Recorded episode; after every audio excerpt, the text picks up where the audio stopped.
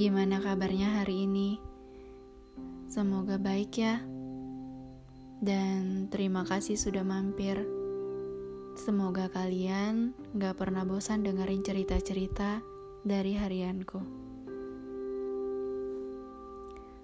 Sesuai judulnya, ini adalah tentang aku. Tentang aku satu tahun yang lalu. Sebenarnya ini aku tulisnya udah lama. Karena di kondisi aku saat itu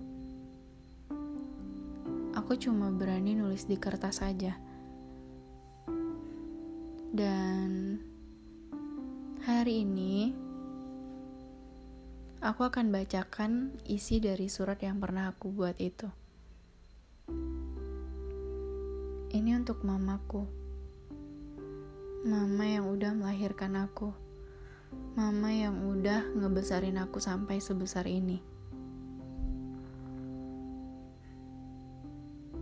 Dan kita langsung aja. Ini dia isi suratnya. Ma, ada banyak hal yang ingin aku ceritakan kepadamu.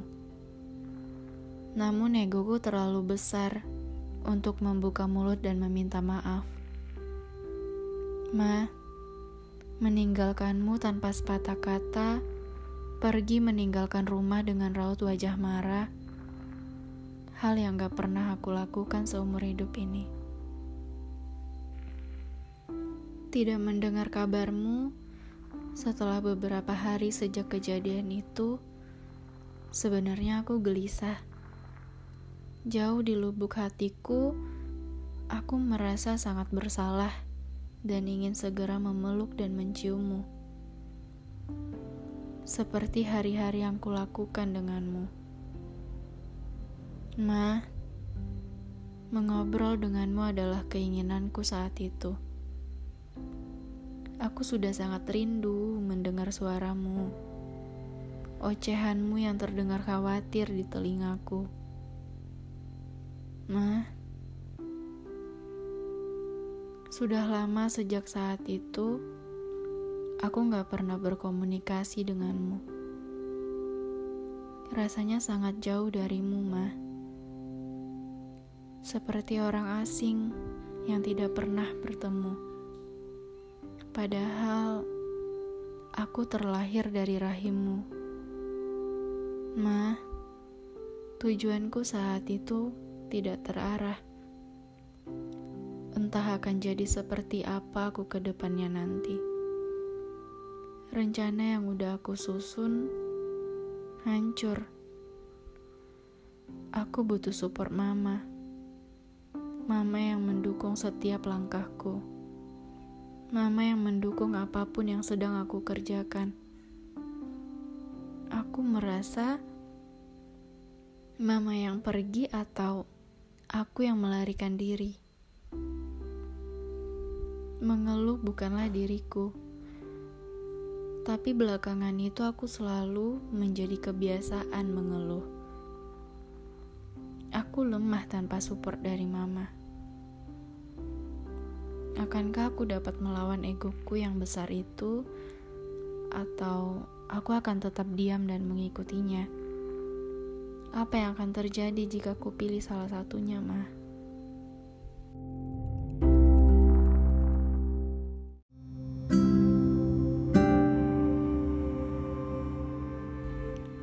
Diriku, kamu hebat. Udah bertahan sampai sejauh ini. Kamu kuat. Kamu pasti bisa melewatinya kali ini. Kata-kata penguat yang selalu aku pegang dari dulu. Kali ini aku harus gimana cara melewatinya? Aku harus apa?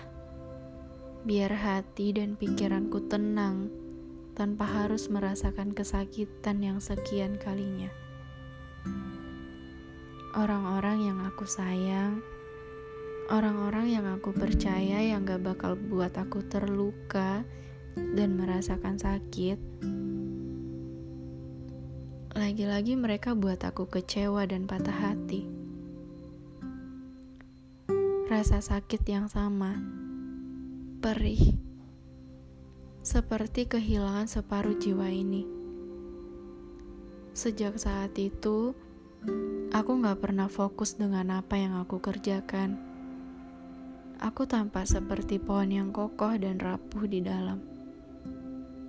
Mau cerita pun, mereka akan bilang ini akan baik-baik aja. Mereka dengan seenaknya bicara tanpa tahu rasa sakitnya, mereka akan mengabaikan dengan perasaan-perasaan yang aku pendam. Mereka sebaiknya aku diam dan menahannya. Gak ada yang bisa bantu kehidupanku kalau bukan aku sendiri. Sejauh ini aku bertahan karena diriku sendiri. Aku penasaran pada kesimpulan dari ceritaku ini. Senang atau sedih yang akan aku jalani ke depannya, apakah hati ini akan tetap membaik dan selalu berpikir positif nantinya?